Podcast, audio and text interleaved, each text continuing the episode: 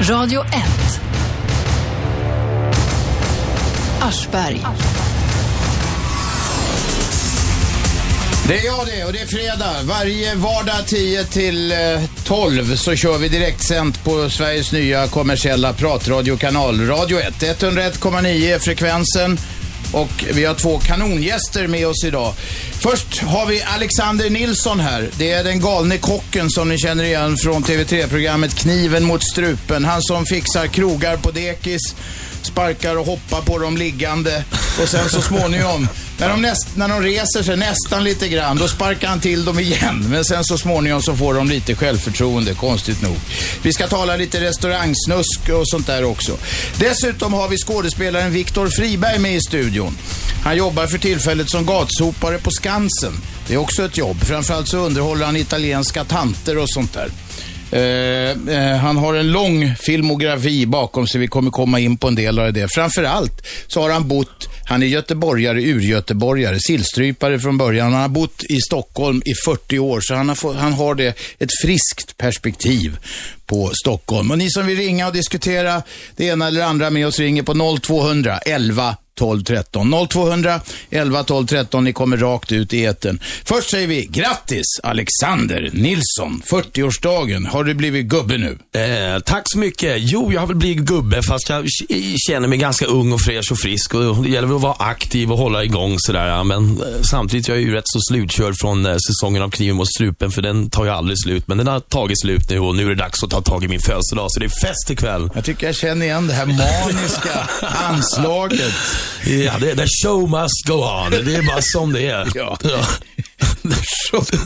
Så ska deklarationen in och så ska jag flytta och du Du, vet. då gör vi så här. Nu får du presenten. Det här är från vännerna på Strix. Det är produktionsbolaget som gör det där tv-programmet ihop med Alexander. Tack du får så du mycket. slita upp nu jag för fan. Jag såg att du satt och suktade på paketet. Born to be wild. Grattis Alex från vännerna på Strix. Vad trevligt. Vad kan Ja. det här vara?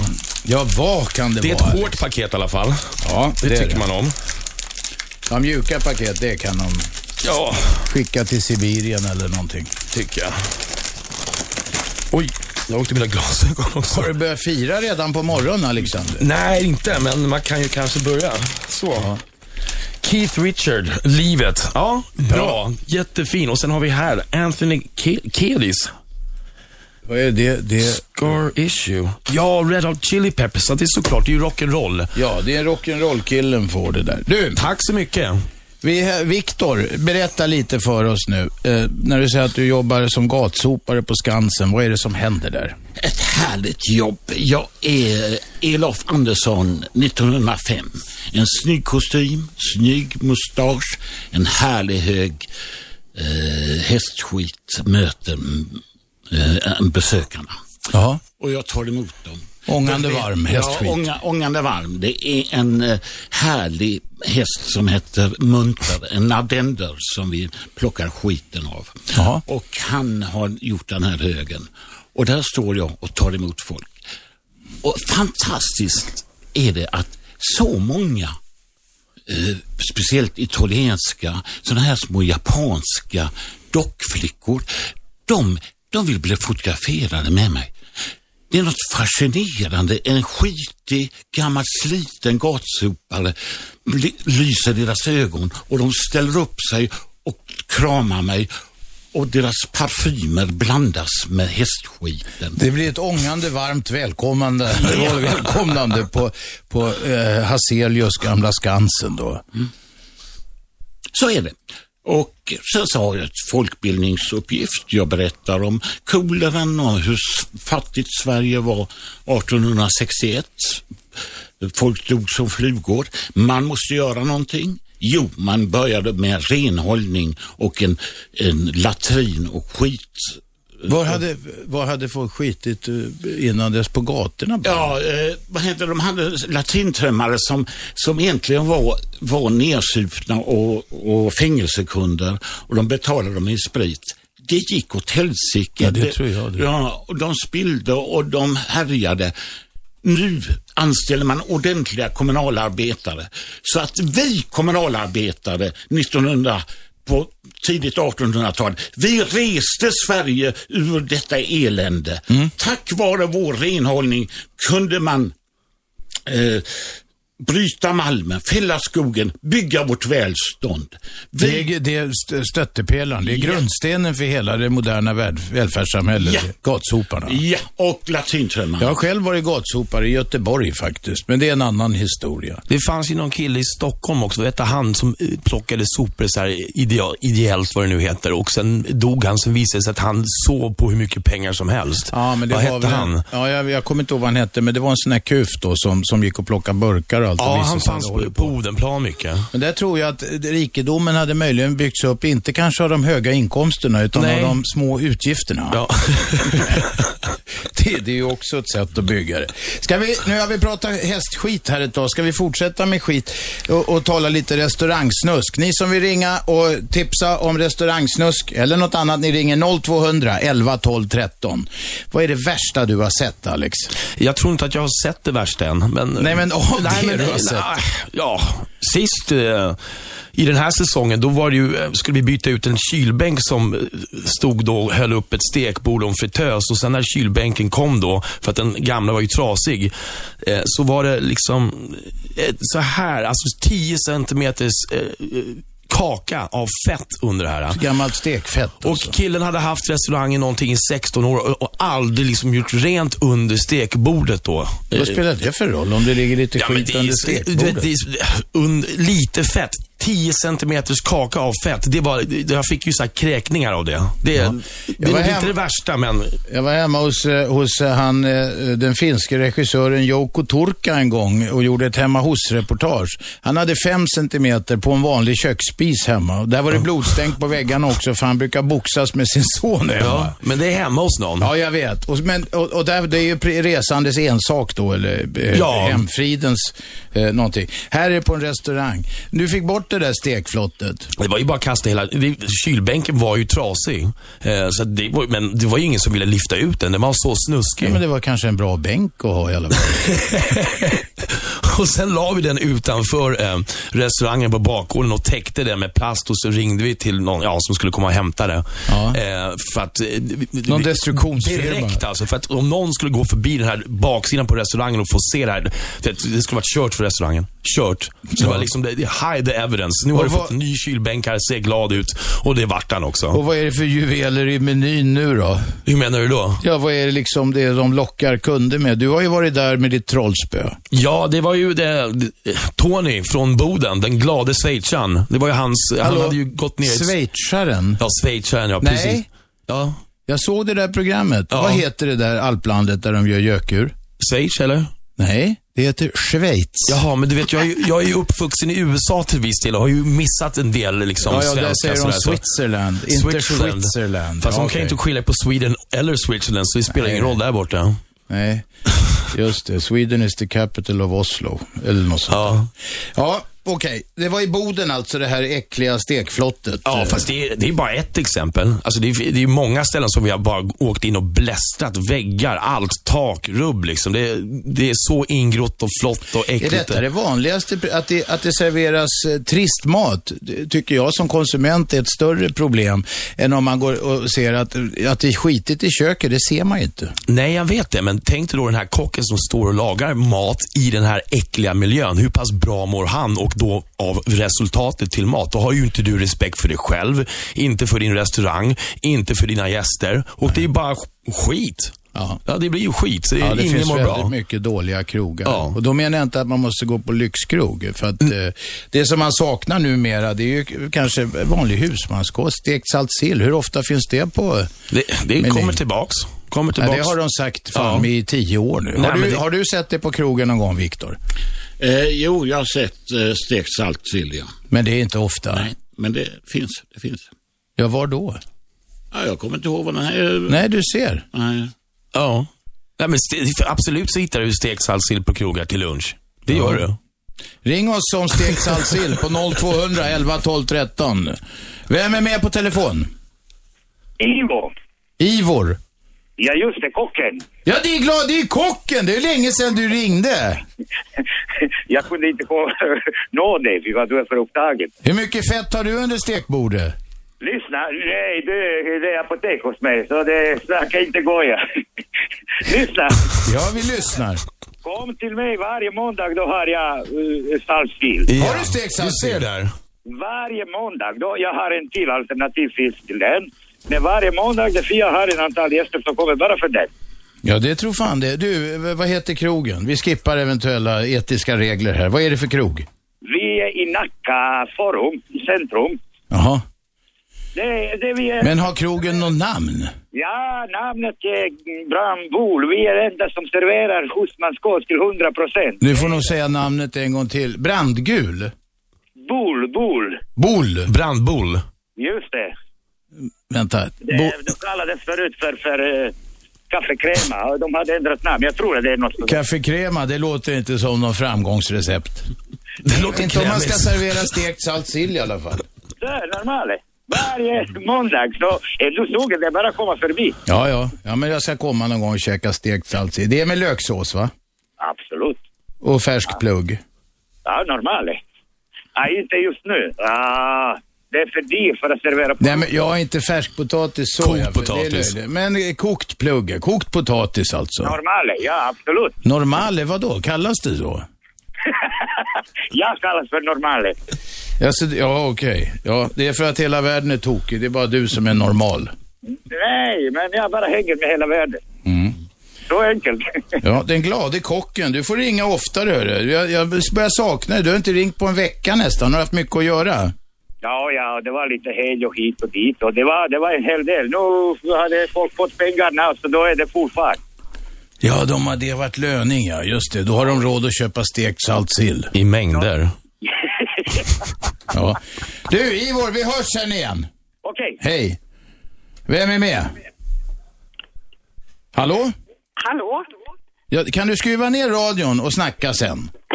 Oj, vänta, jag skruvar ner radion. Hej, jag heter Marianne. Ja, Marianne, kom igen.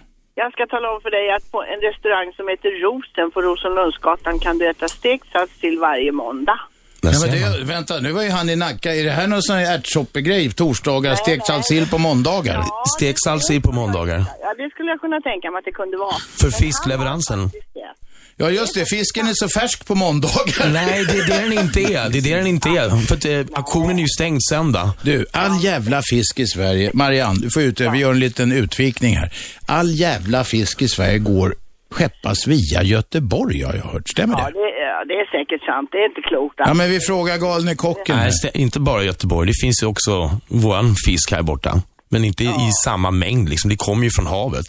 Ja, det är klart det gör. Ja, och... eh, Kommer fisken från havet? Ja, men nu, dra ja, men- på trisser. Okej, men the Baltic Sea, det är ju våran sida och sen har vi då Atlanten och det är, ju, det är västkusten. Så det är där eh, de går ut och fiskar. Ja, Marianne? Ni- Ja, men då vet du att du har ju nära, det är på Söder det här som den här restaurangen ligger. Men, vilken, vilken gata sa du? Rosenlundsgatan. Ja, det är på Söder, ja. Bra, Ja, bra. Tack för tipset. Radio 1. Aschberg.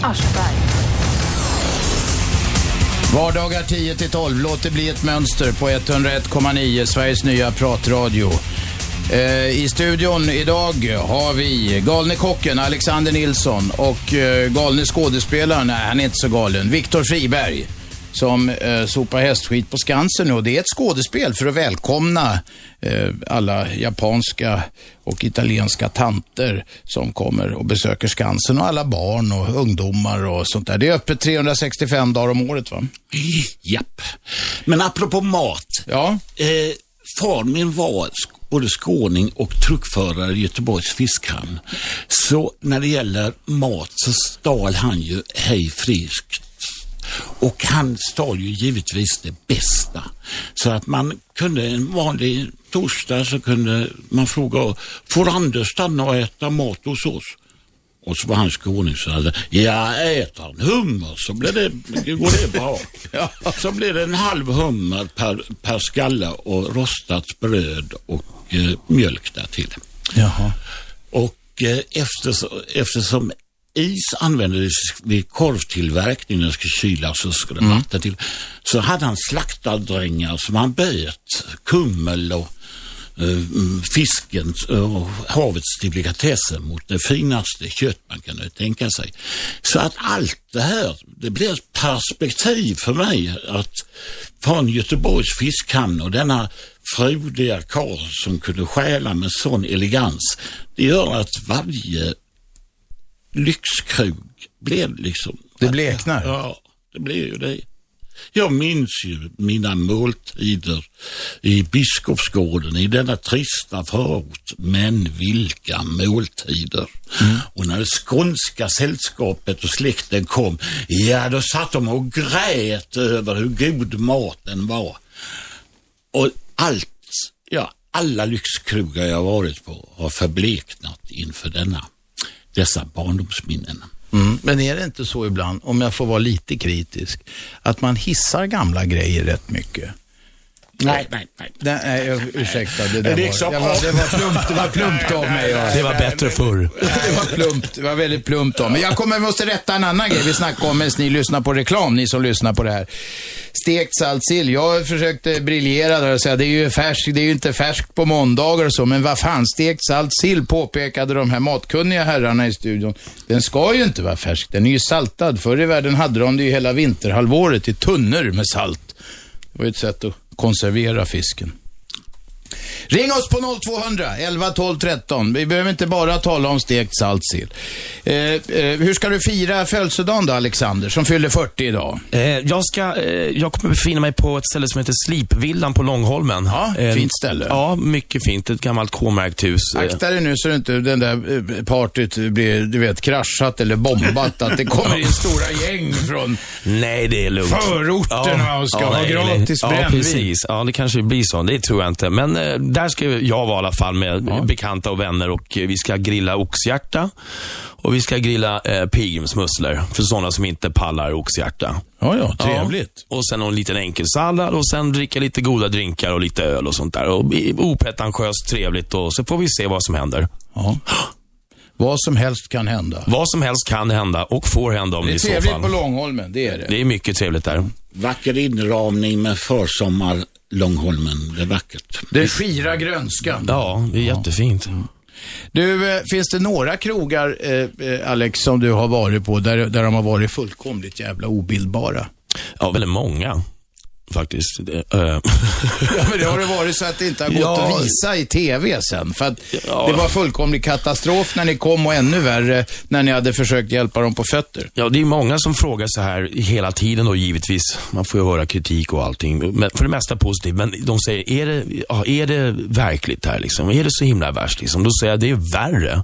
Vi, vi kan inte visa allt. Ni skyddar tittarna lite grann. Ja, och du vet, det finns ju ett format i det här programmet att jag ska gå in och Eh, du vet, först du vet, kritisera maten ganska hårt och, du vet, och jag kan ju bjuda på det utan problem och sen ska vi ha en vändning och så presenteras en ny meny och sen kommer den sista kvällen när de ska laga den menyn som jag har då kommit på och det funkar inte alls. Och då jag eh, förstår liksom inte, okej okej ni har kockrockar på er, ni har kockknappar, ni har förkläden, ni har ett mössa på er, men ni kan inte koordinera kött, sås, potatis. Eh, För det är ju det som är hela eh, grejen, eller det är det som är hela konsten. jag ska koordinera köttsås Ja, men det är det det handlar om. Du ska få ut tallrikar till gäster och det består ju av kött, sås, potatis och en grönsaksgarnityr. Sen kan du byta ut köttet mot fisk, men det finns ju en tallriksmodell. Och eh, du måste ju kunna leverera det här, annars funkar det inte. Du, vet, du kanske lagar världens bästa tomatsås. Du kanske slår mig på fingrarna Robban, hur hårt som helst för din Jag är inte tomatsås helt säker på det när det gäller tomatsås, Och, men ja. det är inte det som är själva grejen med just yrket kock. Det är att kunna koordinera ut maten. Och i just de här fallen där det, det funkar inte. Och då undrar jag, vad, vad är det jag, jag har gjort? Eh, de, står, de får inte ut maten. Och jag förstår att det är en ny meny och att det är liksom lite rörigt för dem. Men det kanske har varit lite så här tumultartat för dem. De har fått utskällningar och de står där och är helt skräckslagna. Och så gör det, blir det så att de blir paralyserade istället. Eh, och då börjar jag ju gapa ännu mer tyvärr. Hoppas det smakar bra. Vi tar betalt med detsamma. ja, det är en gammal, det är en gammal sån här restaurangdevis. Viktor, du som eh, eh, är lite äldre än eh, Alexander, ungefär i min ålder. Du känner igen den här gamla två vita och en brun, La Paloma och notan. Ja. Man säger det till ungdomar, vet de inte vad det är. Nej, men det, jag, två vita och en brun, inte det sprit och någonting sånt där och sen en nota eller någonting? Jo, det, var för, Ja. det är från ransoneringen, är inte det Viktor? Ja. Jo, det är Just det, två vita, det var det man fick ta. Två snapsar och en konjak. Ja. La Paloma, det var till orkestern. Det var, och För att de skulle spela den. Okej. Två Ja, bra. vita och en brun La Paloma och notan. Så alla satt och drack två stycken snaps och en konjak och så var det bara La Paloma för hela slanten. Ja, sen fick du gå till nästa krog. Eller hur det var. Var det kuponger då? Ah, nej, Nej, så gammal är inte Viktor. Vem var det som sa att det var bättre förr här? Viktor och jag säger det. Ja, det är bra. Allt går så fort nu för tiden. Ja, visst gör det 0200 11 12 13. Du, eh, eh, Viktor, du har ju varit med i rätt många underliga filmer. ja. Ja. Eh, eh, vad när, jag, när jag blir inbjuden hit så kommer jag att tänka på att hur många gånger Stockholm förvånar mig. Ja. Eh, vi skulle göra en film som heter Anmäld försvunnen. Jag skulle spela homosexuell pedofil. Eh, ett litet flickebarn skulle för, eh, försvinna på tunnelbanan. Ja. Vi åkte till eh, filmteamet, åkte till T-centralen i rusningstid. Eh, en kvinna skulle springa jämte tunnelbanetåget och skrika mitt barn, mitt barn. I rusningstid? I alltså bland riktiga eh, Bland passagerare? riktiga passagerare och resenärer. Ja. Eh, någon ifrågasatte det etiska riktiga i det här. Kommer inte folk att bli upprörda när de upptäcker att vi håller på att göra en, en, en, en tv-thriller? Mm. Nej, sa de. Stockholmarna bryr sig inte. Men vad fel producenten hade. Varje gång kvinnan sprang, sprang jämte en tunnelbanetåg så rusade fram folk med risk för sina liv försökte de slita upp dörrarna. Små tanter från Björkhagen och, och eh, unga män från Nordafrika. Alla ställde de upp som en man för att rädda den här lilla flickan. Och sen blev de ju givetvis fly förbannade när de upptäckte att kameran och det här, det här som de trodde skulle vara så enkelt att ta, det fick, tog jättemånga tagningar. För varje gång blev tagningen saboterad av någon som försökte Som, hade, som hade lite hjärta och Ja. ville gripa in och göra, göra någon nytta och, och försöka vara hygglig mot med, en medmänniska i nöd. Men hur fick ni ihop det då? Nej, de tog så många scener så att med skickliga klippare så skulle man, kunde man få ihop det att, att ingen brydde sig. Men så såg inte verkligheten ut. Och apropå det, Ja. jag åkte eh, pendeltåg, jag bor i Stuvsta. Eh, klockan är väl 19, en vanlig vardagskväll. En fyllis åker rulltrappan neråt. Han har en ölburk i handen. Han luktar fan, han, han ser, ser skitig ut. Han ramlar. Och han är så rädd om att rädda sin öl så han rullar och slår sig illa. Och i tinningen slår han upp ett stort sår och blodet forsar och rull, rulltrappan går. Och vi är ett tjugotal människor som rusar fram, stoppar rulltrappan. En kvinna sliter av sig sin halsduk och offrar den för att stoppa blodflödet.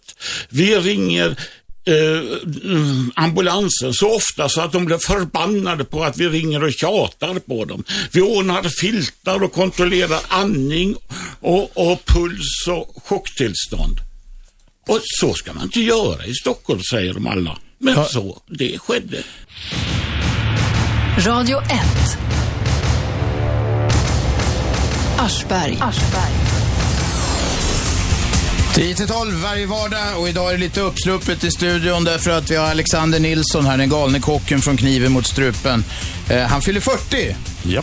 Hurra, hurra, hurra, hurra! Ring in och gratulera honom. Eh, Ring inte något mer om stekt salt sill. Vi, har, vi har snackat färdigt om stekt salt sill. Om ni vill ringa om något annat så ringer ni 0200 11 12 13. Det vi har diskuterat tidigare är det värsta Alexander har sett ute på krogarna. Det var en decimeter stekfett under, eh, under ett... ett Stekhäll.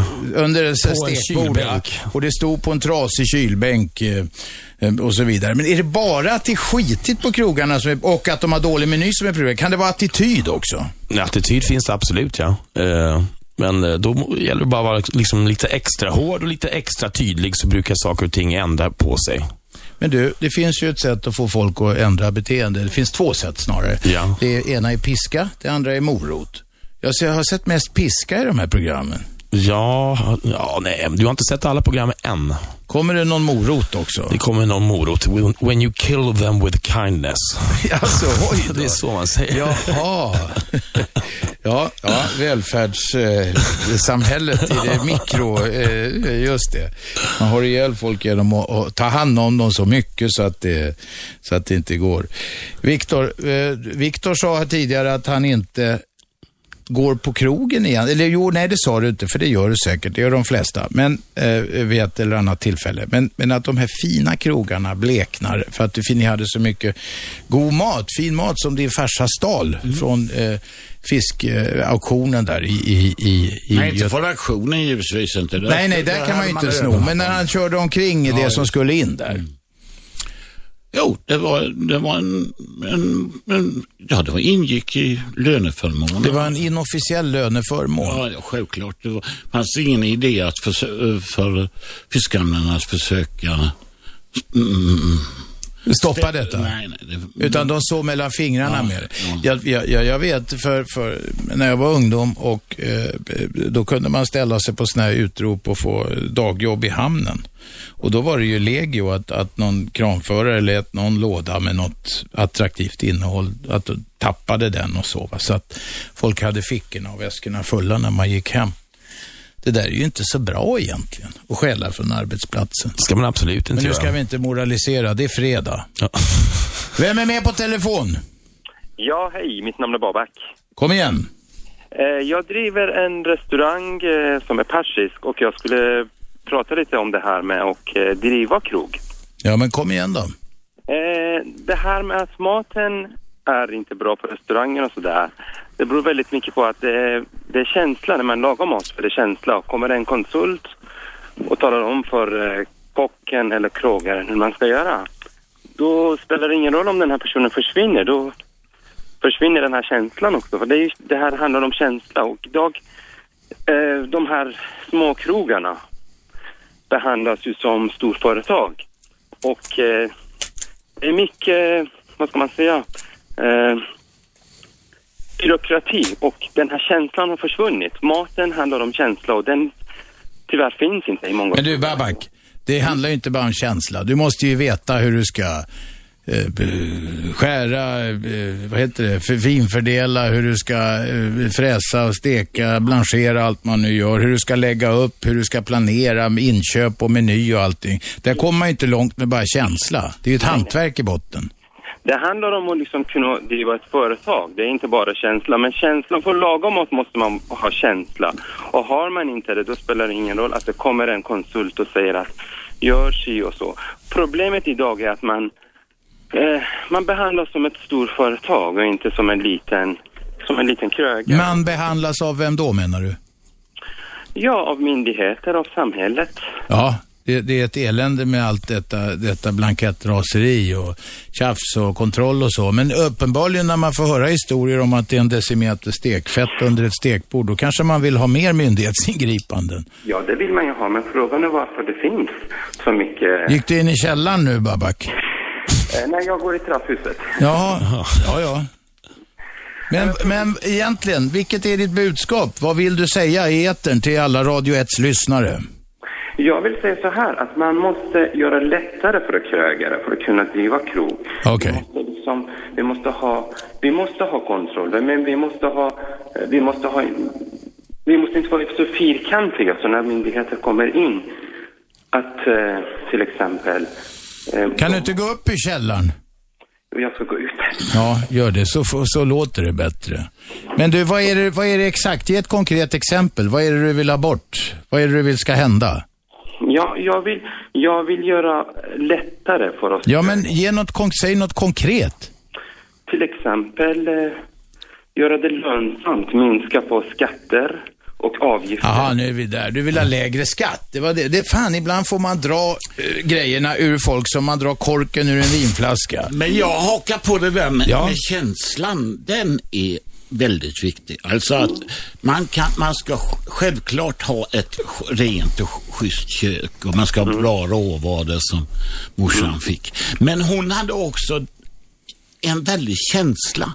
Och jag, jag ser kockyrket ungefär som, en, som ett konstnärskap. Hur många kurser och hur många kokböcker man har läst. Om man inte har, lägger hjärta och känsla bakom, ja, då blir det liksom, då blir det en hamburgerrestaurang av alltihopa. Och, och, och tufft det där med, tycker jag, med att det är en av anledningarna varför jag går på krogen. Det är för att smaka till exempel det persiska köket eller så. För det har jag ju aldrig gjort. Nej. Nej, men det är problemet är att sådana företag, alltså det växer, storföretagen inom krogbranschen växer ju väldigt mycket. Vi har ju, Stockholm är en stor stad och vi har eh, inte så många egentligen som driver flera krogar. Och då... Ja, det finns några krogimperier, eller hur? Ja, grejen är så här, eh, att det finns väldigt många seriösa krögare och restaurangägare som verkligen vill någonting väl. Eh, men så finns det väldigt mycket skit på marknaden som gör att vi då tillsätter dessa myndigheter som granskar och ser till att det sköts stenhårt. Om alla nu skulle funka felfria så skulle det kanske inte vara lika svårt att öppna en restaurang. Men sen kan jag hålla med om att det inte är, li det är inte likadant att gå på restaurang i, i, i Sverige som det är till exempel i Spanien där du ser en, en kille som hoppar in i sitt akvarium, drar fram en hummer och grillar den mitt framför dig på gatan. De har ju inte samma liksom hälsovårdsmyndighetskrav som Men vi vänta, har. är i inte det bra att man ser ju för fan? Jag vill ha den Ja, där det, det är det jag säger. Men vi, det, det tar väldigt mycket till i Sverige, i Stockholm, för att få en sån känsla. Du vet de här små kullerstensgatorna. Ja, ja. Är det ett Ja, fiskakvarium utanför på gatan. Jo, jo, man beställer ostron Ja. så står de och öppnar dem framför ögonen Och på det dig. gör de ju även i Stockholm då, fast då står de ju oftast bakom en disk och allting är väldigt fräscht och hit och dit. Och Mm. det ska det ju vara. Det, Mat är ju en fräsch, färsk produkt och då ska det ju också se fräscht och färskt ut, tycker jag. Alltså, men ja, jag kan hålla med om känslan hit och dit. Eh, och visst, det krävs en känsla för mat och eh, en del ser det som ett, ett konstyrke, men det är mer ett hantverk vi kockar gör.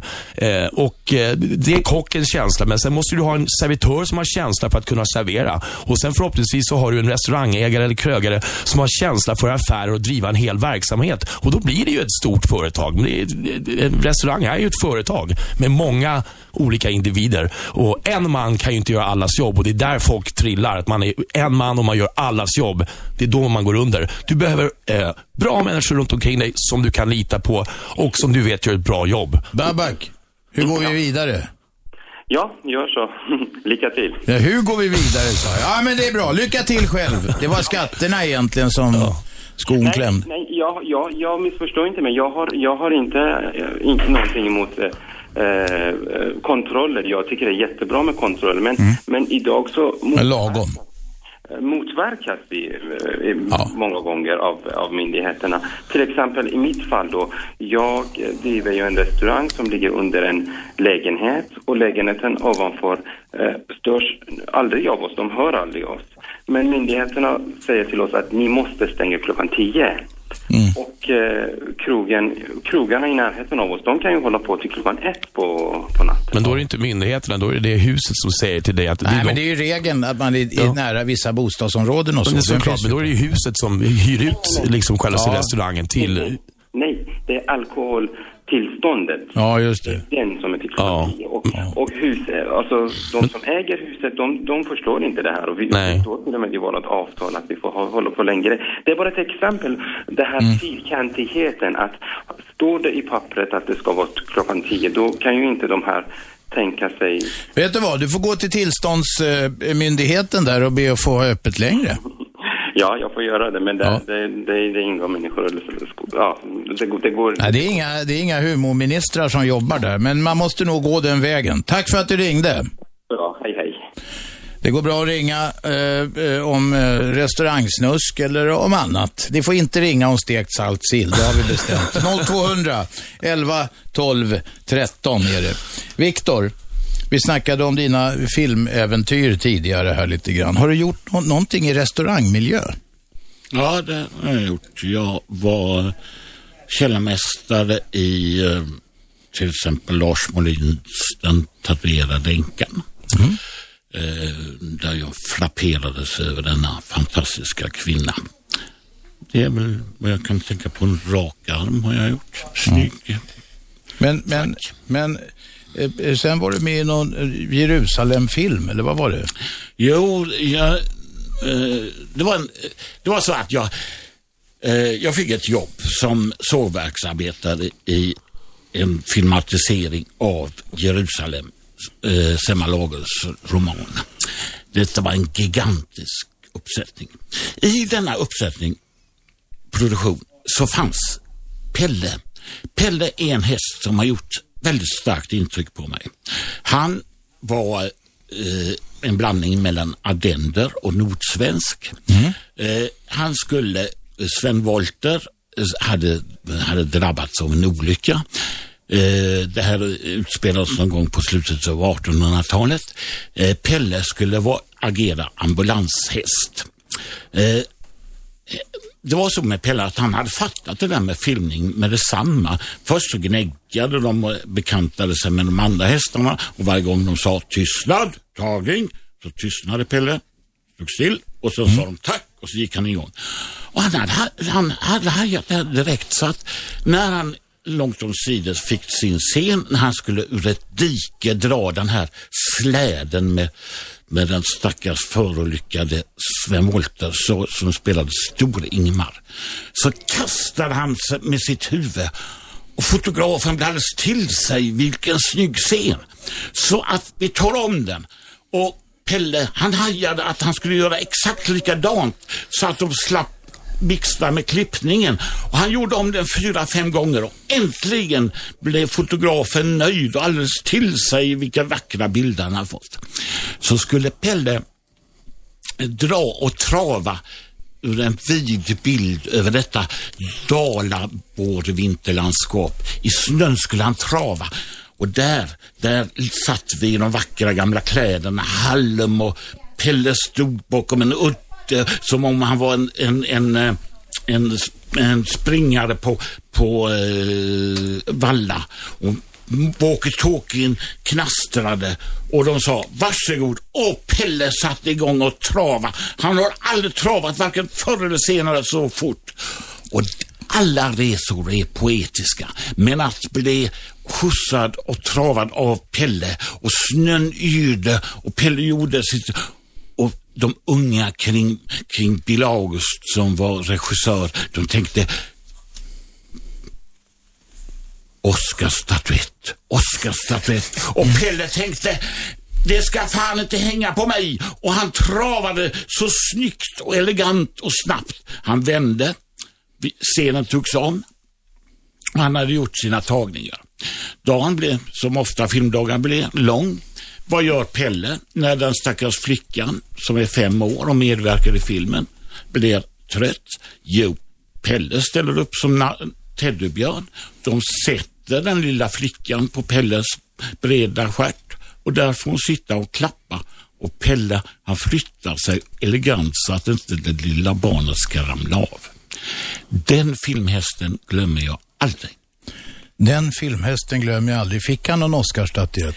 Nej, filmen blev, ganska, precis som romanen, ganska tråkig och så, men, men i, detta, i detta pretentiösa eh, verk, både av Selma Lagerlöf och Bill August, så framstår ju fortfarande Pelle som en av de små hjältarna som vimlar av i filmproduktioner. Radio 1 Aschberg. Aschberg. Måndag, tisdag, onsdag, torsdag, fredag 10-12 på Radio 1. 101,9 Sveriges nya pratradio. Inte en grammofonskiva så långt örat hör. Och i studion idag har vi galne kocken Alexander Nilsson, känd från TV3s Kniven mot strupen. Och så har vi Viktor eh, Friberg, förlåt, Viktor Friberg, som är känd från en jävla massa filmer och just nu eh, är gatsopare på Skansen. Ni som vill se Viktor livslevande, ni går dit. Han står och sopar hästskit, men det är inte en vanlig gatsopare. Det är en gatsopare från, vilket år var det? 1905. 1905. Stilenligt klädd och med stilenlig kvast, historiskt korrekt. Det är noga med sånt där. Ja, det är noga att uh, man får, man, det har de sagt till mig, ni får inte säga någonting som inte är vetenskapligt belagt. Men du, snacket då? Snacket, ja det, det går bra. Till jo, men är, är, det, är det sån där, det är slang och så från, från den nej, epoken? Nej, nej. Eh, jag försöker, jag försöker, apropå Lagerlöf så läser jag Gösta Berlings saga för att få min språkdräkt att bli lite äldre och sådär. Men, eh, men, eh, ja, man, och den är inte 1905 pratade man ungefär likadant. 1905 pratade de inte? Jo, det gjorde de. På samma sätt som en... Men chefen säger ju ofta, jag brukar skoja och säga att chefen säger att du bara pratar skit och inte sopar skit. Men jag då hävdar då att någon måste göra det. Ta hand Ja, men om inte, folk. poängen är väl att skiten ska, den ska räcka hela dagen om du står där. Ja, ja. Det är Så därför jag... slipper de köra fram nytt skit från det, den där. det, det är därför jag gör det. Att, att, eh, ungefär att jag, ja, jag tar det lugnt och ser till så att folk mm, får ha det mysigt på Skansen och, och Mm. blir väl omhändertagna. Det går bra att kommentera programmet eller ställa frågor till eh, de ärade gästerna här via radio1.se, vår hemsida. Andreas, det var något. Ja, Robin har en fråga till Alexander. Ja. Hur kommer det sig att restaurangpriserna stiger samtidigt som råvaran blivit billigare? Inte fan har råvarorna blivit billigare. Eh, nej, men... Matpriserna går upp. Ja, visst gör de det, men man kan ju inte, eh, han kanske menar, han kanske går och handlar på de här eh, stora grossisterna ute, utanför. Stockholm. Ja, precis. Där du köper eh, kycklingfilé för 19 spänn kilot eller något sånt där i storpack. Och det finns väldigt många sådana stora kedjor som säljer mat väldigt billigt. Men på restaurang så är det ju meningen att man ska förmedla ja, en upplevelse. Och då vill man kanske inte servera liksom kycklingfilé som kostar 19 spänn per kilo. Man kanske vill servera lite mer av kvalitet. Eh, sen kan jag ju inte hålla med att, att restaurangpriserna har gått upp sådär jätte, jättemycket. Vissa går ju, beror ju på vad du säljer för någonting. En, en Ja. hyfsad lunch kostar ju en hundring nu. Ja, det, men du kan ju få en hyfsad lunch för 85 också. Allt beror ju på. Allt beror ju Jag på. lägger hellre till, nu har jag råd med det, men jag lägger Ja. hellre till 15 spänn och får en bra lunch som jag, som jag tycker är ett nöje att äta. Än att äta en sämre för 85, kanske till men ända ner till 70. Ja, men det behöver inte vara- Det beror ju på kocken som står på stället, hur pass glad han är. Jag säger inte automa- att, att det automatiskt är bättre för att det är dyrare. Där kan man ju bli jävligt besviken. Ja, det, om det är lite dyrare så är det oftast att det är en dyrare lokal och det kanske, ja, de har servitris eller en servis som eh, kommer fram med maten på ett annat sätt och det kanske är så att du har dukar på bordet och då måste man ju ta en kostnad för det också. Vad är det som kostar mest? Om vi tittar lite på restaurangekonomi utan att börja bli någon jävla Excelblad på Personal. två ben här. Personal. Det är löner. Ja, det är, det är skatter och, och löner, absolut. Och sen då? Eh, maten är, brukar ju, 30 procent brukar man väl ligga på, förhoppningsvis, liksom av kostnaden. Eh, det, är det, det är personalen som kostar mest. Och sen har, givetvis beroende på vad du har för lokal och hyra, men har du en jättelokal eh, så behöver du jättemycket personal. Ja, å andra Ja, sidan det- har du chans att få jättemycket gäster då med Absolut. jättefeta plånböcker. Absolut. Absolut. Bara du sköter det och håller i skinnet så. Ring oss på 0200 11 12 13. Hörni, det här perversa prinsbröllopet som pågår just nu, eller det startar om själva vigselakten mellan prins William och Kate. Eh, Middleton heter hon. Det börjar om en timme. Har ni någon relation till det? Nej. Nej. Blev det dödstyst där inne? De skiter Jag känner, jag känner ingen av dem. Jag Nej. tänkte direkt på Sex Pistols, God Save the Queen. Undrar om de spelar den låten för dem? Gissningsvis inte. Nej. Nej. Ja, Ja. Det, det är ett jävla ståhej bara. Min fru sitter med en samling kärringar någonstans ute på landet och bänkar upp sig med tv och champagne och grejer och ska sitta där. Det är, ja, det är nästan så att vi inte kan tala med varandra. Nej, det har gått för långt eller? Ja, det har det. Vi har en ringare med. Vem är där? Tjena, Marcus. Marcus, kom igen. Hör du, jag funderar på det, varför i helvete ska det vara så jävla lite mat när man eh, käkar? Ju dyrare det är, desto mindre mat får man. Ja, det är den där grejen med två korslagda grässtrån. Precis. Ja, precis. Exakt. Har du någon upplevelse du kan delge oss? Ja, inte direkt sådär, men alltså går man på lite dyrare ställen och desto mindre mat får man och man blir som fan aldrig mätt. Går du på en slutkigare jävla krog, då får du ju en bra jävla biff och... Jag inte fan, smakskillnad är väl inte så jävla stor heller. Nej, vad, vad beror detta på, Alex? Att eh, det hette Nya Franska köket för ett antal år sedan, men då var det så att det var fan ingenting på tallriken. Eh, nej, det, det, och det kan ju förekomma även idag. Eh, tanken är väl att man ska, som jag sa innan också, ge en hel upp, upplevelse där du äter förrätt, varmrätt och dessert. Och sen eh, kanske du eh, äter en förrätt som det ligger, som en ankleverterrin till exempel. Och det är ju dyrt nu, men det finns ju också ett arbete bakom den här terrinen. Och det finns ju ett arbete bakom att göra en vaniljglass. Och då måste du ta betalt för det, för du har ju kockar. Det är personalen som drar iväg med den kostnaden. Jo, men Sen vänta finns det- Vä- Ja, nu smiter du, Alex. Nej, nej, nej. nej jag, jag, är inte, jag är inte färdig. Jag är inte färdig. Marcus frågar vad Ja. det är så lite på tallriken Ja, ja men, men jag kommer till det. Sen finns det också eh, andra restauranger som kanske köper sin eh, eh, färdiga vaniljglass, som inte gör det, då har inte du den kostnaden. Men varför är det så lite på Tangen? Därför att det är dyra råvaror förmodligen och att de vill gärna uppmana att du äter förrätt, varmrätt och dessert. Radio 1. Aschberg. Frekvensen är 101,9. Det är allt ni behöver komma ihåg.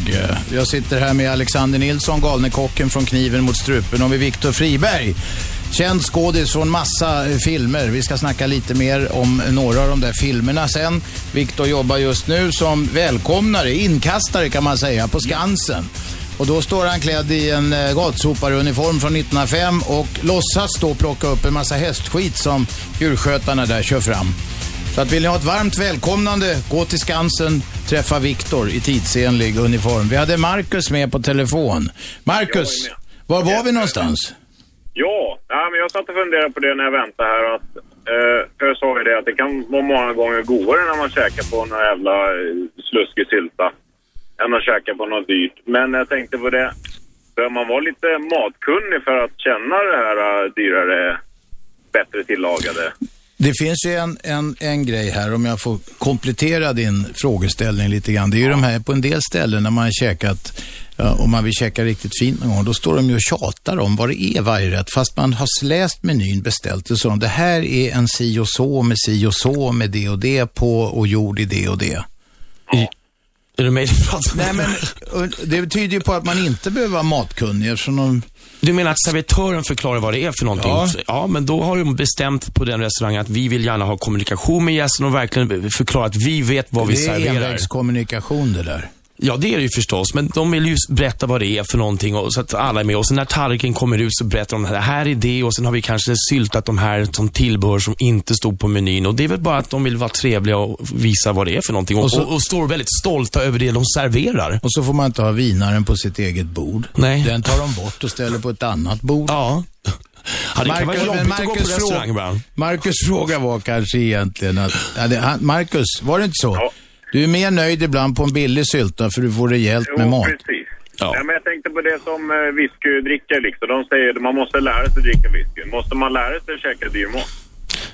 Eh, nej, lära sig käka. Det, det beror på allt på vad du själv vill ha. Eh, vill du ha mycket mat och är du nöjd med att gå till din lokala sylta för att du har en kock där som är stolt och lagar god mat i alla som mängder till ett bra pris. Gör det. Det är, det är ditt val. Och sen om du kanske någon gång vill gå på en finare restaurang tillsammans med din underbara flickvän eller fru bara för att impa lite eller någonting sånt där och äta en trerätter som kostar lite mer där man har lite dyrare, mycket dyrare råvaror. Gör det också. Man kan ju variera. Själv är jag uppvuxen i USA. Jag är inte en sån kille som sitter och tycker om att sitta på dyra restauranger där servitören står och flåsar en i, nacken och hit och dit.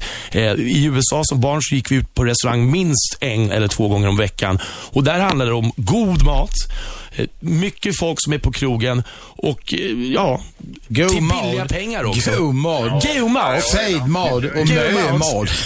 Och det, får, det får man där borta till en bra eh, peng. Och- Viktor vill in. Och, och, och, så det är så roligt när, när en sån här liten söt blondin till servitris kommer förbi och så säger hon, smakar det gott? Och så svarar man, nej, det gör det inte. och snacka om att svära i kyrkan. Ja. Och, det, och, och hon, om hon hade ställt det svaret hade hon aldrig fått i sitt 22-åriga liv. Och, och hon liksom ler och, och sakta backar och hennes dag är totalt Ja, men det, är, det är ju en solarplexus. Ja, det, ja, Det är en smäll i jag, jag, har gjort solarplexus. det, jag har gjort det en gång, men numera ljuger jag alltid och säger det smakar jättegott. Vet du vad du kan säga istället för att förvirra dem? Så säger, när de säger så här, smakar det bra? Då kan du säga så här, ja, tallriken var varm. Ja, Då, ja. då, Ja, det är ju bara en diplomatisk Ja, omskrivning. Marcus, vad säger du när de kommer så här? Smakar det? Nej, jag brukar vara ärlig. Ja, vad säger du om det ruttet? Ja, men eh, så jävla ruttet har det väl inte varit någon gång direkt. Men eh, jag brukar säga om det är smaklöst eller ja. Det gick att käka men in, inte så mycket mer brukar jag säga. Men vad säger de då? då? Nej, de brukar inte säga så mycket. Nej, då är frågan meningslös egentligen. På ett bra ställe borde de ju säga så här, åh, hemskt tråkigt, kan vi bjuda på något annat? Ja. Och på bra sätt, alltså därmed frågar, smakar det bra? Det, det är ett så här typ, eh, var, var våra mat god? Det, är fan, det är ju en restaurang, ni har det som yrke, ni är proffs. Det är såklart maten ska vara god, det är därför du betalar. Smakar det bra? Du kan ju istället fråga, är allt till sin belåtenhet? Låter ju trevligt, en smakar bra. Till sin belåtenhet. Ja, men, ja, ja, men någonting som, ja, i allt, i, i allt som det ska Ja, vara här det- liksom, det- eller bla bla bla. Istället för att smakar bra. Marcus, tack för att du ringde. Vi har fler ringare med. Vem är där? Tjena, Ronny Robban. Jag är bara pastesus här. Eh, Jag var på McDonalds och lyckades få kortslutning på den som stod bakom disken när jag sa jag ska ha en cheeseburgare utan ost. Ja. Då var det en fågelholk där på andra sidan. Vet du vad jag hörde på? Va? Jag var på puben häromdagen, stod vid bardisken och då var det en tjej bredvid mig som säger så här, jag ska be att få en liten, stor, stark. jo, det är sant. Så sa jag, vänta, vad fan sa du? Vill du ha en liten, stor, stark? Ja, Så kan det vara. Livet är ett äventyr, eller hur Ronny? Hej. Hej, hej. Vem är med här? Hallå? Ja, hejsan. Desiree heter jag. Ja, kom igen. Hej. Jo, jag har en fråga till vår kära kock som sitter hos dig. Ja, ställ den. Eh, Hej, hej. Jag, jag, hej, jag och min pojkvän, vi har en liten eh, förortspub i Fruängen där vi serverar lite enklare rätter, noisette och... Har ni den puben? Ja, Ja, okej. ja. Noisette, det är gris alltså. ja det Det är medaljonger av gris, ja. Ja. ja. Nej, men vi har det här lite varma mackor och lite sånt här tjopp. För att våra gäster på våran krog, de bara super. Ja. De sitter från 12 till 12 Ja. och dricker öl utan att stoppa i sig någon mat. Desiree, har du försökt tala dem till rätta? Ja, menar, för det är klart jag har det, givetvis. Det är klart, vi har till och med bjudit på mackor och så för att de ska få i sig någon mat. Ja. Ja, men jag, jag älskar dig Desiree. Åh. Sån, såna krögare som du ska det vara fler av. Ja, men stackarna sitter ju där och bara dricker. Vad vad är hela friden? Man mår ju dåligt att bara titta på dem. Ja. Men nu är min fråga till eh, dig att eh, vad ska vi göra för att få de här människorna att äta? Ja, okej. Eh, vad kostar er öl? Eh, vi har månadens flaska för 40 spänn. 40, det är ju ganska, inte saftigt, men det är, det är inte 25 spänn i alla fall för att vara... Nej, nej, nej, så de nej, nej. dricker, okej. Men eh, du vill att de ska äta? Ja, Ja, då ska du ha någonting som heter, som finns som du redan känner igen, happy hour, fast en alla American style där man bjuder på lite käk samtidigt. Och det vet jag att nu Melanders eh, fisk har börjat med på Dalagatan och det är en succé. Och då kostar vinet eller ölen eh, lite mer, men att någon bara bjuder på mat är helt fantastiskt. Och eh, det behöver inte vara dyra grejer. Eh, man får ju liksom lista ut någonting sånt om du vill att de ska äta mat. Då, då får man, eh, det blir som ett paketpris. ja, alltså vi har ju försökt med allt. Ja. Macka, räkmacka, vi har provat med kropp miljö, Ja. vi har provat med pommes frites-tallrik och nachotallrik och allt möjligt sånt där enkla grejer. Ja. Eh, för våran kompetens ligger ju inte där du ligger, men, men eh, Var inte blyg nu inte, kostar det pengar, då ska de inte äta helt enkelt. Nej, precis. De är där för att dricka ölen. Ja. Ja, det, ja det, tyvärr. Alltså, du kan ju göra så att du höjer i ölen ytterligare, men då kommer du förmodligen förlora dem. Det kommer jag göra ganska. Ja, då har du inga gäster alls. Eller så får du liksom bara helt enkelt kasta in en granat i restaurangen och bygga om det från början och, och ha ett annat koncept där man satsar mer på familje... Jag vet inte hur det ser har ut. bytt koncept flera gånger. Men har ärligt talat, ja. både Alex och Desiree, jag måste ställa en fråga. Är det inte på biran som man tar hem pengarna? Det är väl ingen som blir rik på att göra mat va? Eh, det, det, Jo, mer, ja, mer försäljning på bira, absolut. Det, Jajamän. det är så det är. Men jag tycker det är jävla lovvärt Desiree att du säger att du vill att de ska käka. Det, det Ja. tror jag de här nykterhålls, Ja, nykterhetsvårdande myndigheterna gillar också. För har man mat i ballongen då blir man inte lika packad. Nej, exakt. Men, Och det, jag har samma gäster varje dag. Ja. Från måndag till söndag. Ja. De sitter från 12 till 12. ja. Och de herregud. äter inget. Och då undrar jag, äter de klockan 12 på natten då när de kommer hem? Knappast.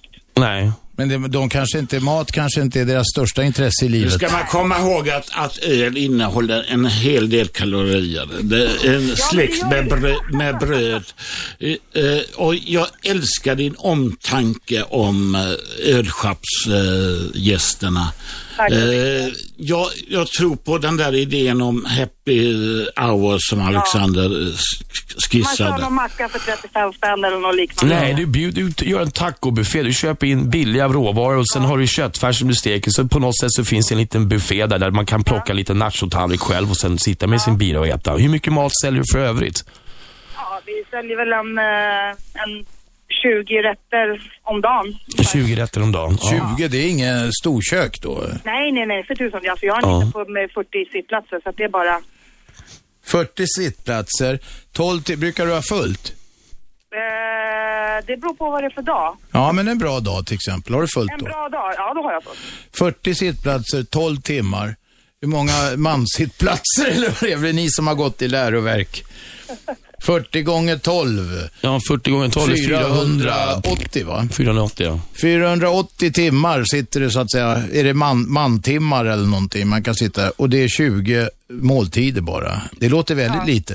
Ja, men det är lite. Det är Mm. det jag säger. Jag vill ju att folk ska komma och käka mer. Och liksom, eh, men våra alltså, matgäster vill ju, vanliga familjer vill ju inte komma till oss och äta på grund av att våra alkisar sitter där. Ja.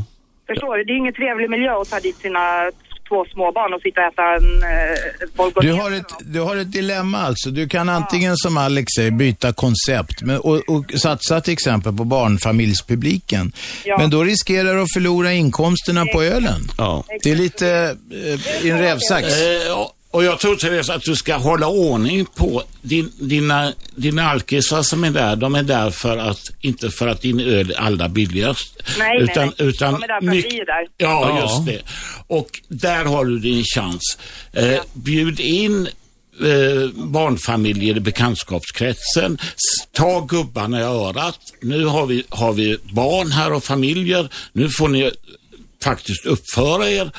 Och, eh, och det skapar en, en gemenskap som, som eh, i, kan bli jättefin. Och ännu en gång, jag, mitt tigerhjärta rörs av din omtanke om gubbarna. Tack ska du ha. Ja. Ja, det håller jag med om också. Jag med och jag känner också för dig verkligen. Ja. Ja, det är jättebra, men... eh, mm. Vi kommer inte längre Desiree. Nej, jag tror inte Men du fick några tips i alla fall. Ja, lite grann. Det, det ska jag ta i åtanke faktiskt. Ja. Tack så mycket för... Tack själv. Tack själv.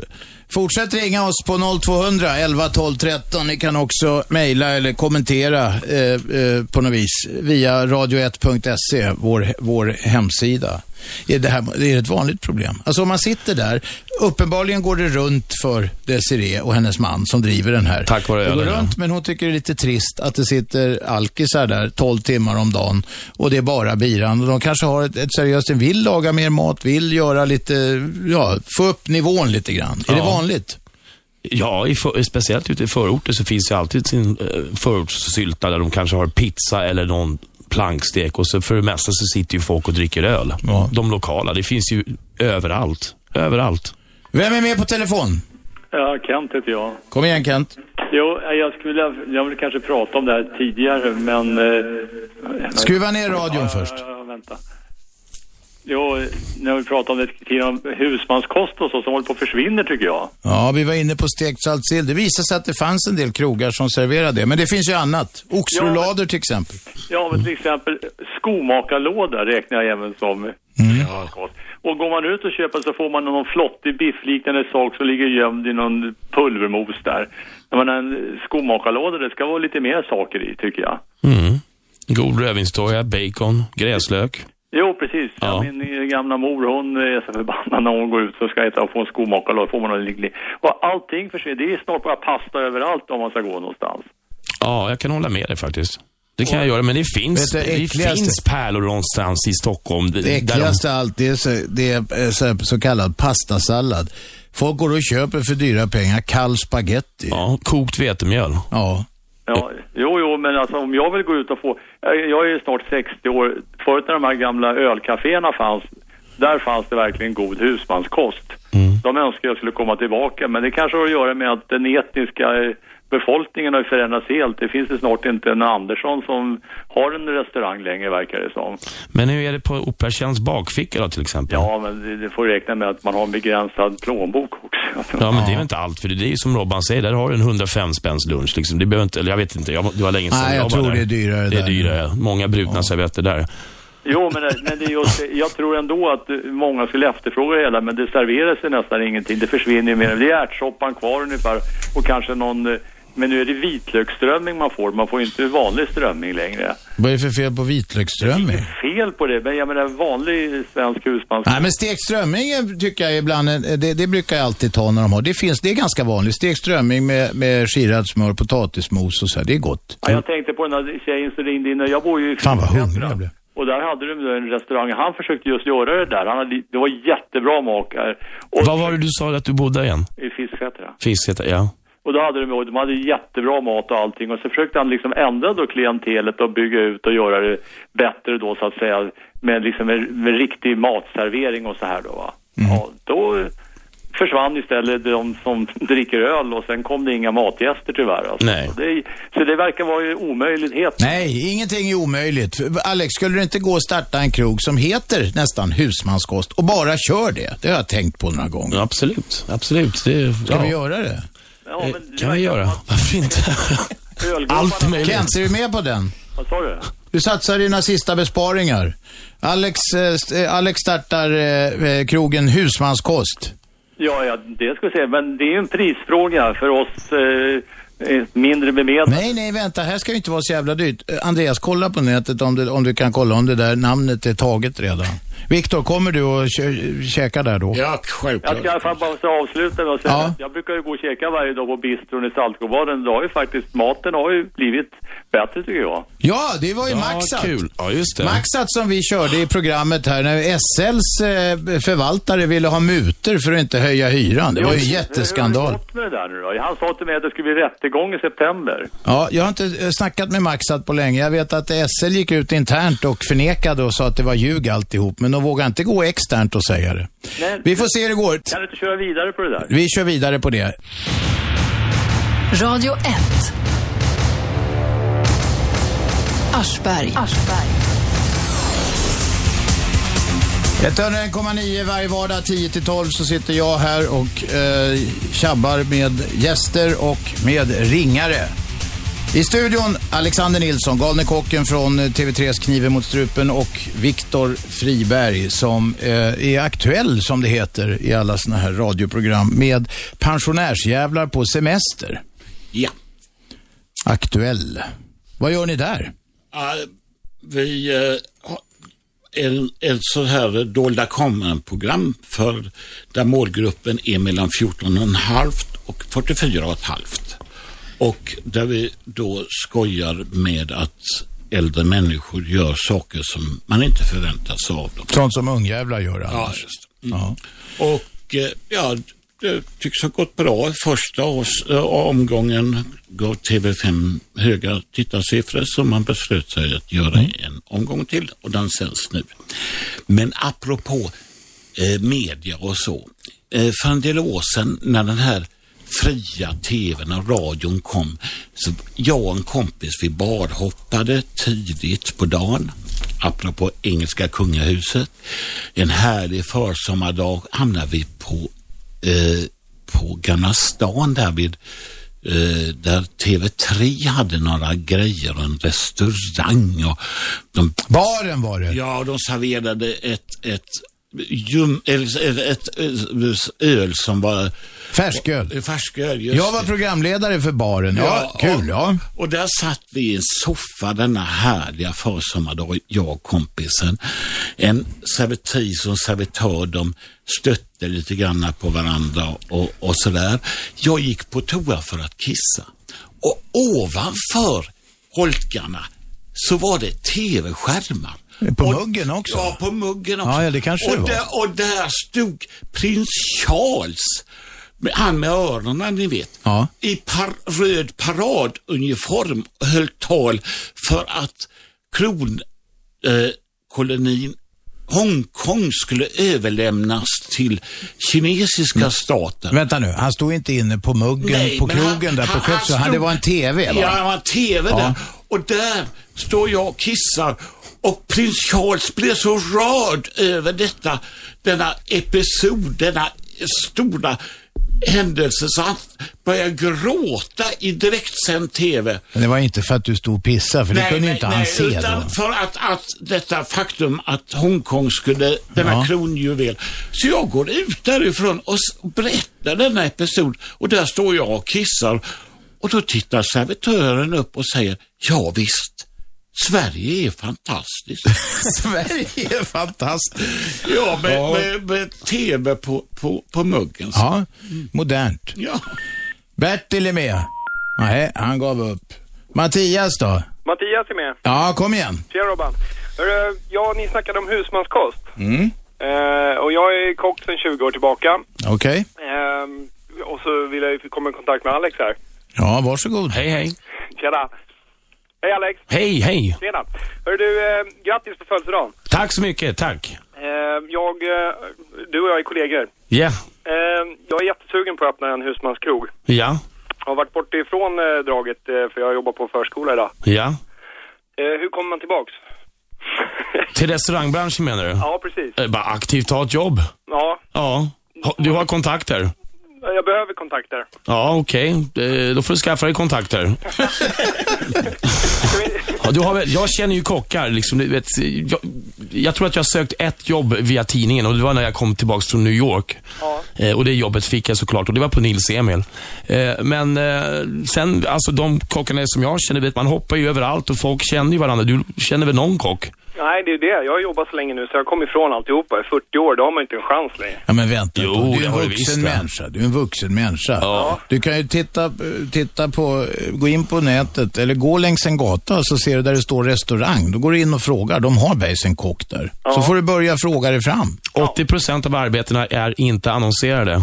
För det är ju så pass internt då, så kanske de behöver en ny kock nu inför liksom sommar. Vill du ha ett jobb förresten? Ja. Ja, nu eller? Ja. Vill du ska du höra av dig till eh, säsongsjobb. Du ska höra av dig till Ulrik Nordin på Vaxholms hotell. Eh, och de behöver säsongsjobb. Och jag vet inte, eh, jag vet att de anställer som 17 nu, men då står du och skottar strömming så att det bara smäller om det. Ja, där är drag. Där är det drag och där, då kommer du tillbaks. Och då träffar du många kockar och så får du kontakter. Tack och hej. Grattis! Vad schysst. Din Tack lycka är gjord. Hej då. Vem är med? Hallå, hallå? Vem är med? Maxine är här. En gång. Maxine. Jajamän, Kom igen. Kom igen. Idag så ska jag iväg på något som jag tycker låter lite eh, spännande. Det är lunchbuffé med thai och husmanskost. Paj och husmanskost. Ja, då får man välja om man vill ta en pajbit eller husmanskost eller båda två eftersom det var buffé. Men är det inte en lite märklig kombination? Jag har aldrig hört talas om det tidigare, att de kombinerar både husmanskost och thaimat. Thai menar du? Eller thai. Jag tyckte du sa paj. Ja, jag hörde också Nej, paj. Jag tänkte, vad... thaimat alltså. Thaimat. Asiatisk mat. Ja, Ja, det men är varför visst. inte? Det är man väl lite kombinera? märkligt. Men välkommen till eh, 2011 Stockholm och eh, olika restauranger och sånt där. Jag vet att det låter lite Ja, märkligt. Ja, Ja. det är väldigt märkligt. Men det är ju inte nödvändigtvis dåligt för Nej, att man det behöver blandar. inte vara. behöver absolut inte vara dåligt. Jag får väl eh, se hur det är. Så man hör av sig senare till er och ta... Ja, gör det. Återkom med en rapport. Hej så länge. Bra. Vem är med? Hallå? Hallå ja, vem talar vi med? Ja, vi talar med Micke. Jag tänkte vara på han snubben som eh, ville komma in i, i, vad heter det, i köket igen och jobba, som jobbar på dagis. Ja. Eh, han kan få ringa mig. Ja. Har du nummer till honom? Nej, vi har ingen nummer och jag tror inte du vill säga ditt nummer eh, Nej, det vill jag absolut i etern. Nej. Nej, vad är det för restaurang då? Ja, det är en skärgårdskrog. Ja, som heter? Säg vad den heter. Nu är vi ändå, har vi ändå Och förstört ditt namn och sen kan du säga krogen, så är det inte mer än så. Ja, det heter Strömma krog och kanalbar på Värmdö. Bra. Tack. Då hoppas vi han lyssnar. Tack för att du ringde. Tack. Radio 1. Aschberg. Det är jag det. Vi kör eh, 10 till 12 varje vardag på 101,9. Radio 1, Sveriges nya pratradio. Så enkelt är det. I studion idag, Alexander Nilsson, galne kocken från TV3s program Kniven mot strupen. Det är de som eh, lyfter ruttna krogar genom att banka på kockarna och sen så, så försöka ge dem lite självförtroende. Så är Viktor Friberg här, skådis. Eh, eh, göteborgare från början, flyttade till Stockholm i eh, samband med lumpen och sen blivit kvar här. Det var väl kärleken eller Ja. något? Jaha, det brukar vara så. Vem blir inte kär i Stockholm? Eh, det var väl någon tant antar jag som kom emellan. Ja, det var många. Det var många, ja. Förr i världen hette det att man har friat. Där har jag, man åker med en del gamla stötar på stan och säger, där uppe har jag friat och där uppe har jag friat och där har jag friat. De menar ju påsättningar och inget annat. Plånboken är fylld med jag, eh, fotografier. Jag blev sån här hovgöteborgare på Östermalm. Det var eh, fräckt, apropå... Vad är det för? Ja, ja, ungefär som man ha- hade en hovnarr så på fina middagar så bjöd man in mig. Och jag var liksom ung och söt och naiv och pratade göteborgska och så. De hade underhållning va? Vi har en göteborgare Ja, här, mina det. Det damer och det herrar. var fint att ha på, eller på man hade en kammarorkester bakom ett till som spelade Mozart och jag sa, men ska vi inte lyssna på dem när de spelar så grant? Nej, det skulle man inte. Istället för att inte sätta på en skiva så, så hade man en levande orkester och jag sa, herre jävla vilken stor ljuskrona. Hoppas den sitter fast ordentligt. Vilken jävla smäll. Och det tyckte de var charmigt. Och, De ville se en liten Ja. göteborgare. ja, just Tänk, överklassens perversa vanor. Ja, just det. Och istället för att ha en, ha en eh, afrikan eller en narr eller en apa så hade man då en göteborgare. det blev många middagar. Vadå, Och de- du, och- du och- hyrde ut dig själv alltså? Nej, jag hyrde. Jag, blev, jag tog inget betalt. Utan, men eh, jag fick mat och ja, sen var det liksom som någon tant sa. Eh, sexuallivet är en smula intressantare i de lägre samhällsklasserna. De ville höra om, om, om hur göteborgare gör det. Ja, ja, de testar ju själva liksom. Det, var, det var inte så mycket, ja, både göteborgare och så var ju... Vänta du kom här som göteborgare och hade ett jävla försprång för att sätta på överklasskärringar på Östermalm på ja, löpande band. eh, eftersom ett rykte gick där att, som de sa, eh, sexuallivet är lite intressantare i de lägre samhällsklasserna. Ja, de kanske då trodde att arbetargrabbar var mer välhängda. Eh, Nej, eh, inte så mycket det, utan det var väl det där, det där naiva eh, råbarkar, ungefär Ah, som, det som går, ja, som går igen med de italienska tanterna i, på Skansen. Nej, men nej, det, det, du stöter väl inte på dem, Victor? Nej, nej, men de, de kommer ju nära och de tycker att jag är så grann. Jag ser så skitig, skandinavisk och så olika. Det kittlar lite grann. Ja, just det, Det kittlar. eh, i Ja, italienskt. Och sen så, sen så när gubbarna då på Östermalm skulle ge mig goda råd då, och jag blev så trött på det. Men för helvete, jag pippar ju din fru. Sluta!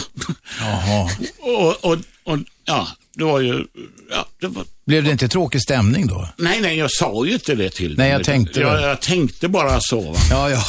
Och satt där och suckade och, och ja. Nu tar vi den här, vänta, vi måste beta av Pelle. Vad hände med hästen Pelle? Vi hade hört en historia om den fantastiska filmhästen Pelle som agerade bättre än någon jävla Hollywoodskådis. Verkligen levde ut. Han gick på så här, kamera, action, då gick Pelle igång och gjorde exakt det han skulle. Det var under filmningen av Jerusalem, Selma Lagerlöfs Jerusalem. Ja, och, Vad har hänt med Pelle? eh, Pelle var från början eh, pensionär. Bonden som ägde honom drev eh, två hästar på skogen. Två yngre hästar som också var en blandning mellan nordsvenskt och ardender. Och Pelle var egentligen pensionär och eh, men han nändes inte slakta honom så att eh, men eftersom detta var åtskilliga år sedan så är nog Pelle i hästarnas himmel nu för tiden. Där gräset är grönare. Ja, just det. Och det är han väl förtjänt. Ja. Och eh, han har som sagt satt sådana enorma spår i, både i min professionalism och i eh, min omtanke om... Kan man säga att du lärde dig mycket av Pelle? Ja. Ja. Vadå? Ja, självklart Robban. Du vet att man kan lära sig av alla. Så gammal är du. Ja, ja. Ja, ja. Man, man, man ska inte underskatta varken medspelare eller publik någon gång. Nej, nej. Det finns tyvärr ett vanligt fel i mediebranschen att många av, av de, oss tv-pajasar eller radiopajasar och producenter och allt vad det heter tror att publiken är dum. Men de som tror det, de biter sig själva i svansen. Ja. Så är det. Publiken är vanlig. Man ska utgå från att de är lite smartare än man själv. Då hamnar man inte käpprätt åt helvete. Nu tar vi historien om lilla Maria. Och, därför att Viktor och jag har en gemensam vän. Båtmördaren Gert Fylking. som också är känd för Radio 1s lyssnare. Han har sådana här pratprogram på morgnarna där han intervjuar folk. Han drev en, en, en, en grej. Lilla Maria hette en krog på Mariatorget va? Ja. Mm. Och där drev han och Svindlasvasse som är en trollkarl. Mm. Eh, eh, Okej trollkarl kan man säga va? Ja, ja, jag tyckte han var bra. Och eh, där blev jag inbjuden då och då för att berätta kärlekssagor. Eh, jag tyckte det var så märkligt att jag kunde få tyst på denna skränande hög av, av ölhinkande gäster. Det var mycket häcklande där också. Ja, just. Men dels så hade jag mina knep. Jag såg till så att jag låg tidigt på kvällen och eh, jag hade en ordentlig attack i eh, berättandet. Så var det så att min dotter gick i åttonde klass. Hon hade fått, alla i, i klassen hade fick en uppgift att vara med sina föräldrar, antingen far eller mor, under en vanlig arbetsdag. Hennes mor var läkare och då skulle det innebära att hon fick sitta i korridoren och, och, och glo. Så hon valde mig. Hon valde en dag när jag hade, hade en filminspelning. Det var någon, någon, ja, någon vanlig thriller. Jag skulle spela bilmekaniker. Dottern tyckte det var bra trist, men hon gjorde sina anteckningar och gick där och väntade på att det skulle ta slut. Sen hade vi en snabb middag vid någon, någon korv, korvställe och sen iväg till lilla Maria. Det är skrän och skrån och dottern antecknar nästa arbete. eh, eh, då, upp, eh, då drar jag min saga, min kärlekssaga. Det går bra.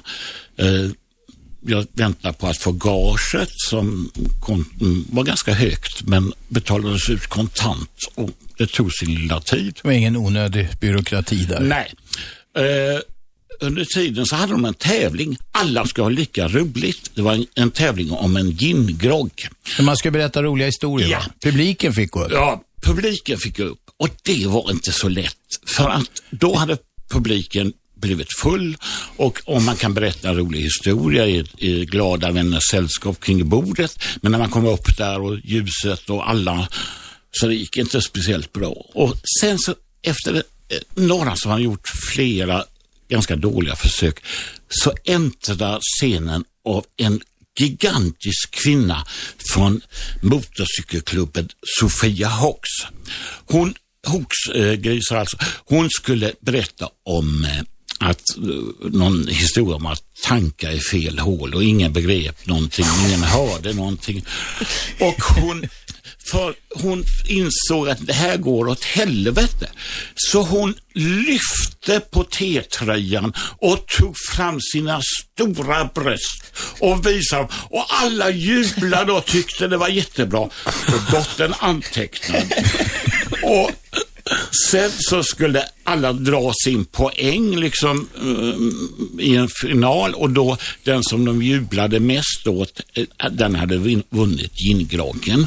Och hon kom upp igen och givetvis när hon skulle berätta sin så berättade hon ingenting utan hon bara visar sina stora tuttar och dottern antecknade och hon vann givetvis. Och då blev hon så glad så hon liksom gosade med, med brösten och, och lekte med dem och tackade liksom dem som, som, och de var som sälungar. Dottern antecknade. Eh, man behöver stänga stället. Eh, Jag väntar fortfarande på gaget. Dottern satt kvar. Det är några år sedan. Och gjorde sina anteckningar. Eh, Det kom fram en kar och friade till henne. Eh, Och sen så var det någon som sa så nu är det efterfest hos kon- tavelmålare. Självklart, sa jag till dottern, vi ska på efterfest. Och så dansade vi disco hela natten. Och hon så, antecknade? Ja, hon antecknade. Sen så ordnade jag ett sovmorgon för henne på morgonen. Det var bra. Den lilla Maria, det var faktiskt genomgående ganska låg kvalitet. Eh, Jag praoade där faktiskt. På lilla Maria? Ja, när jag kom tillbaka från USA så gick jag ju nian då och så fick man ju, eh, min pappa är ju restaurangbransch, så då hade de en Lilla Maria som prao-ställe. Och, och det här är länge sedan, det var ju 86 någonting. Apropå kockar, jag ska kunna ge ett exempel på ungefär nivån på de där historierna. Det, var ju, det är ju han matrosen som kommer upp på bryggan på båten första dagen på jobbet. Han har gått till sjöss. Och så frågar han styrman, har ni inga brudar ombord? Nej, säger styrman, men vi har en tandlös kock. Ungefär den nivån var det. Och det, då, det var den högre kvartilen eller vad det heter. Då förstår ni, lilla Maria, det är fint lyxhotell där nu idag. Det är borta va? Det är väl Benny Andersson som... Ja, just det. Ja. Just det, det är det hotellet. Ni har en chans att ringa till oss. Eh, vi har en kvart kvar. 0200 11 12 13. Ni får, eh, vi vidgar vyerna nu. Nu får ni prata om vad som helst. Vi har en stjärnkock här och vi har en stjärnskådespelare. Så är det. Det är respektive Alexander Nilsson och Viktor Friberg. Kungen fyller år. Prinsessbröllopet vill inte gästerna tala om. De vägrar. Vad säger ni om att kungen fyller år imorgon då? Blir pensionist?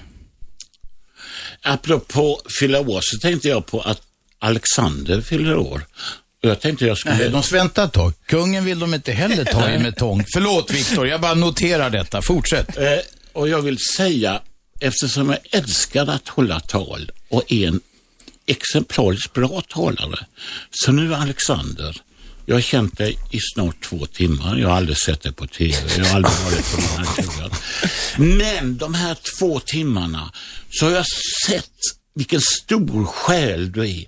Du har en stor, frodig själ. Jag älskar ditt, din, din, din brand, ditt brinnande sätt för det du är född att göra. Och jag önskar dig lycka till i livet. Och från djupet av mitt hjärta, fortsätt din mission hundra år till. Tack ska du ha, Viktor. Alexander fyller alltså 40 år idag. Hurra, hurra, hurra, hurra! Radio 1. Aschberg. Varje vardag 10-12 på 101,9. Jag heter Aschberg och eh, det är alltid direktsändning. Det går alltid bra att ringa in på 0200 11 12 13 och det går bra att gå in på radio1.se också och kommentera programmet. Andreas sitter och vaktar som en hök över datamaskinen här. Viktor Friberg är med. Skådis som eh, är aktuell, som det heter, med pensionärsjävlar på semester. Och så har vi Alexander Nilsson här från TV3s program Kniven mot strupen. Det är det där de hjälper krogar på dekis att komma igång igen. Vi har en ringare med. Vem är där? Hallå ja. Hallå, vem talar vi med? Du talar med Hans Eideborn. Hans, kom igen. Hallå? Ja. Varsågod. Etern är din. Okej, det kom in så snabbt och lätt. Ja, det går rakt ut här bara. Vi kommer in överallt direkt. Ja, ja, ja. Nej, jag hörde snacka om, om eh, såna här eh, husmanskostrestauranger. Ja. Det finns en i Göteborg. Nej. Jo, Nej, nu ljuger du allt. restaurang Kometen. Ja, det är klassiskt. Nu vaknar göteborgaren här. Det är 40 år sedan, men när han hör ordet kometen, då... eh, Det Finns grep i hjärterötterna. Vad glad jag blir. Kometen har jag suttit på många gånger. Har du varit där? Ja, ja, ja. Ja, ja, ja. ja Jag, jag har bott i Göteborg. Då visste du det ju. Ja, det är klart jag visste. Men en del lyssnare har, var, har befunnit sig i mörker. Eh, och då, nu har ljuset kommit till dem. Äntligen. Ja.